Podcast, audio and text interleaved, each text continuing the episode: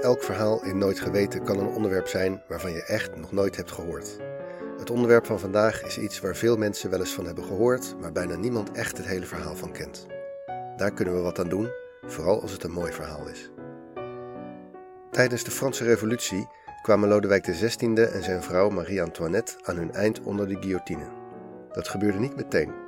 Pas vier jaar na de bestorming van de Bastille was de publieke opinie zo negatief geworden over de voormalige koning en zijn vrouw dat er een rechtszaak kwam. Vooral over haar eigenlijk. Ze had onder revolutionairen de bijnaam Madame Déficit, omdat men het gevoel had dat de enorme financiële crisis waar Frankrijk onder gebukt ging, vooral was veroorzaakt door haar uitgavenpatroon. Zo was er een paar jaar voor de revolutie het schandaal rond de diamanten halsketting, dat gaf haar volkomen onterecht de naam het gat in de hand van de rijksbegroting te zijn. En dat terwijl Marie-Antoinette eigenlijk helemaal niets verkeerd had gedaan rond dat halssnoer. Maar ze had haar imago niet mee. Wat was er nou precies gebeurd? Hier is, nooit geweten, aflevering 20.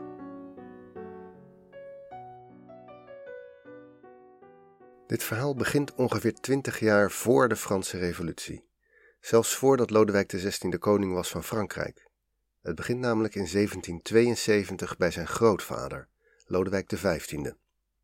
Die was op dat moment bijna 60 jaar oud en had een maîtresse, Madame du Barry, op wie hij naar verluid echt hotel de botel verliefd was. Hij besloot om haar het mooiste en grootste cadeau te geven dat hij kon verzinnen. Hij ontbood de Parijse juweliers Beumer en Bassange en vroeg ze een halssnoer te maken dat alle andere juwelen moest overtreffen in grandeur. Het ontwerp was snel gemaakt en goedgekeurd. Er bestaan replica's van het halssnoer uitgevoerd in glas, en wat ik ervan kan zeggen is dat het naar onze huidige maatstaven een monsterlijke ketting is, met zoveel en zulke grote diamanten dat de draagster eronder zou kunnen bezwijken. Inderdaad meer ontworpen op grandeur dan op smaakvol of mooi.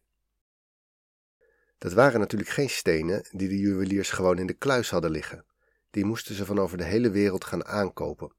En als je de koning als klant had, kon je helaas niet om een aanbetaling vragen. Dat was erg ongepast.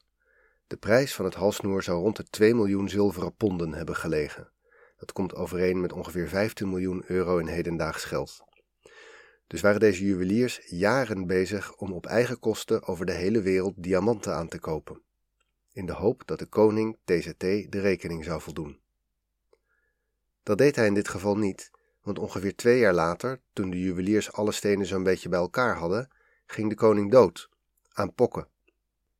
Zijn zoon was al eerder overleden en dus besteeg zijn kleinzoon als Lodewijk XVI de troon. De juweliers zaten intussen met een riant probleem. Ze probeerde de nieuwe koning ervan te overtuigen dat dit halssnoer het perfecte cadeau was om aan zijn vrouw Marie-Antoinette te geven. Hij heeft het op een gegeven moment ook aan haar aangeboden, maar zij weigerde. Volgens sommige bronnen zou ze hebben gezegd dat Frankrijk meer behoefte had aan oorlogsschepen dan aan halskettingen. Volgens anderen vond ze het geen leuk idee dat de ketting oorspronkelijk voor Madame du Barry bedoeld was geweest. Die twee hadden een pittige hekel aan elkaar.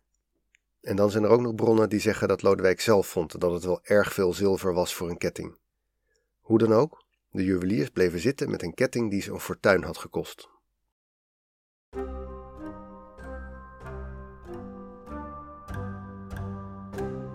We doen een paar jaar fast forward naar 1785, nog maar vier jaar voor de revolutie.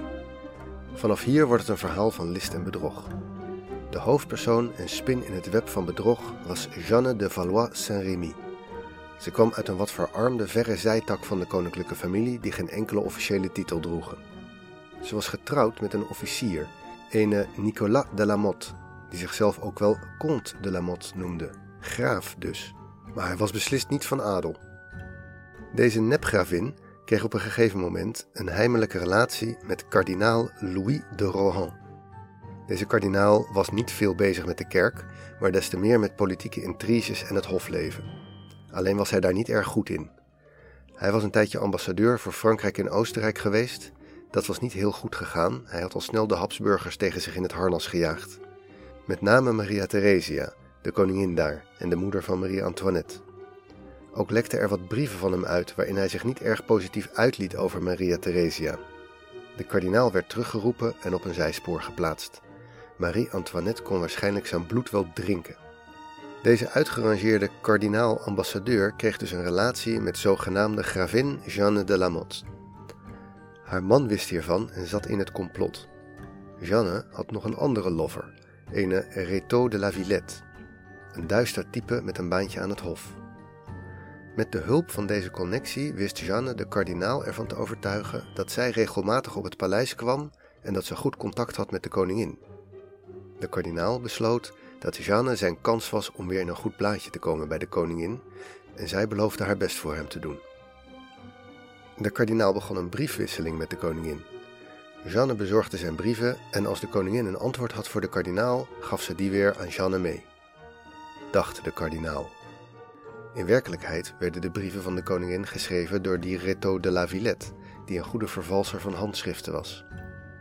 De toon van die briefwisseling werd steeds vriendelijker en warmer, totdat de kardinaal het gevoel kreeg dat de koningin een oogje op hem had. Ook al zag hij haar nooit, hij werd ook verliefd op haar. Hij smeekte Jeanne om voor hem een geheime ontmoeting met de koningin te regelen. En zij regelde dat. In augustus 1784 had de kardinaal zijn geheime afspraakje in het donker ergens achterin de tuinen van Versailles met een vrouw waarvan hij dacht dat het Marie-Antoinette was. In werkelijkheid was het een prostituee die Jeanne had uitgezocht op haar gelijkenis met de koningin. We weten natuurlijk niet precies wat er bij dat afspraakje is gebeurd, maar in ieder geval beloofde de nepkoningin dat ze hem hun eerdere aanvaringen niet meer kwalijk zou nemen. Jeanne begon ondertussen steeds meer geld te lenen van de kardinaal, zogenaamd bedoeld voor de koningin om te gebruiken voor liefdadigheid. Met dat geld verwierf Jeanne zich een steeds betere plaats in hogere kringen. Daarbij vertelde ze overal rond dat ze de koningin zo goed kende. Daardoor begon langzamerhand iedereen dat te geloven. En zo werd ze op een gegeven moment benaderd door de juweliers Beumer en Bassange of zij misschien mogelijkheden zag om de koningin alsnog warm te laten lopen voor het diamanten halssnoer.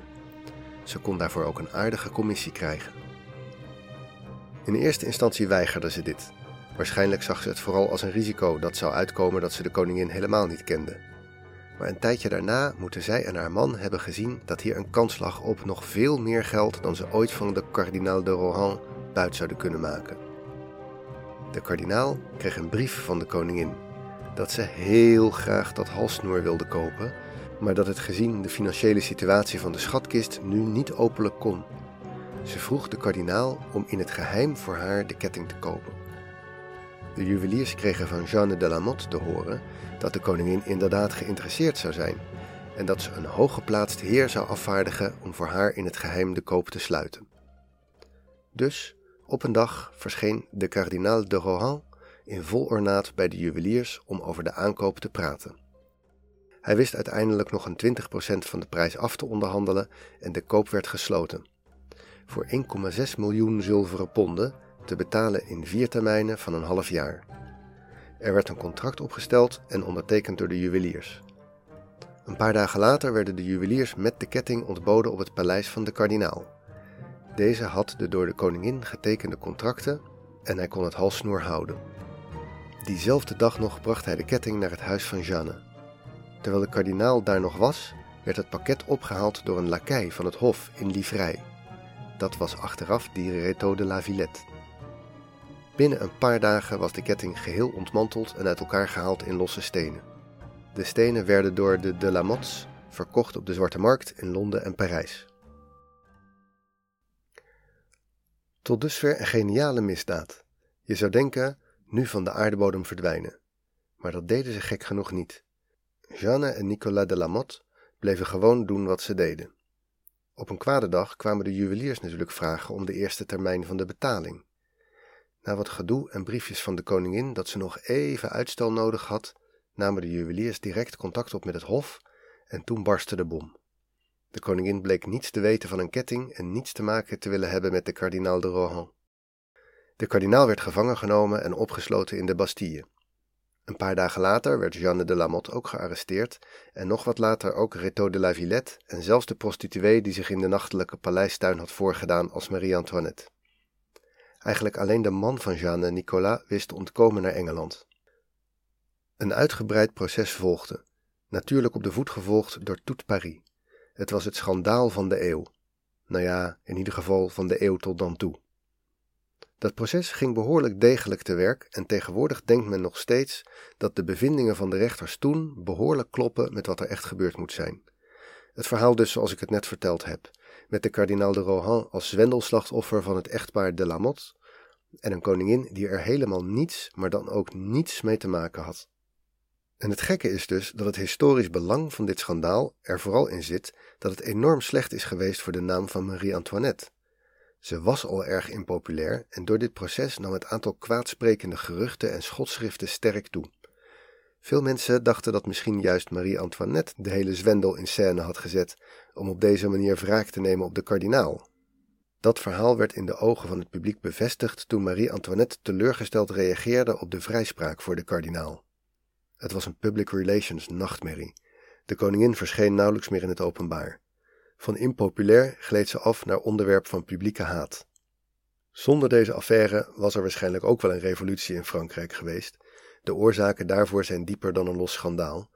Maar de afloop, met eerst de koning en later zijn koningin op het schavot, dat had ook heel anders kunnen zijn. In eerste instantie was het niet speciaal de bedoeling van de revolutionairen om de adel en de koninklijke familie onder de guillotine te leggen. Ze zagen nog wel een rol voor de koning, niet als absolute machthebber misschien, maar als een soort vader van de natie. In de dynamiek van de jaren na 1789 liep de revolutie uiteindelijk voor heel veel mensen verkeerd af, zo ook voor Lodewijk XVI en zijn vrouw Marie-Antoinette. Maar als zij een populaire moeder van de natie had kunnen zijn, als haar imago niet zo door het slijk was gehaald, dan had dat ook heel anders af kunnen lopen. Dit was een aflevering van Nooit Geweten. Heel erg bedankt voor het luisteren. Nooit Geweten wordt gemaakt door mijzelf, Teun Duinstee, en is een hommage aan Wikipedia. De meeste informatie die je hebt gehoord komt daar vandaan. Dank aan iedereen die daaraan heeft bijgedragen. In de show notes vind je links naar een aantal artikelen op Wikipedia en informatie over de gebruikte muziek. Op Wikipedia kan je bijvoorbeeld lezen hoe het afliep met Jeanne de Lamotte na haar veroordeling en haar ontsnapping uit de gevangenis. Bijdragen aan Nooit Geweten kan door mij te mailen met ideeën voor nieuwe onderwerpen, door bij te dragen aan Wikipedia of door geld te doneren aan de Wikimedia Foundation. En wat ook altijd fijn is, is een positieve beoordeling. Alvast bedankt.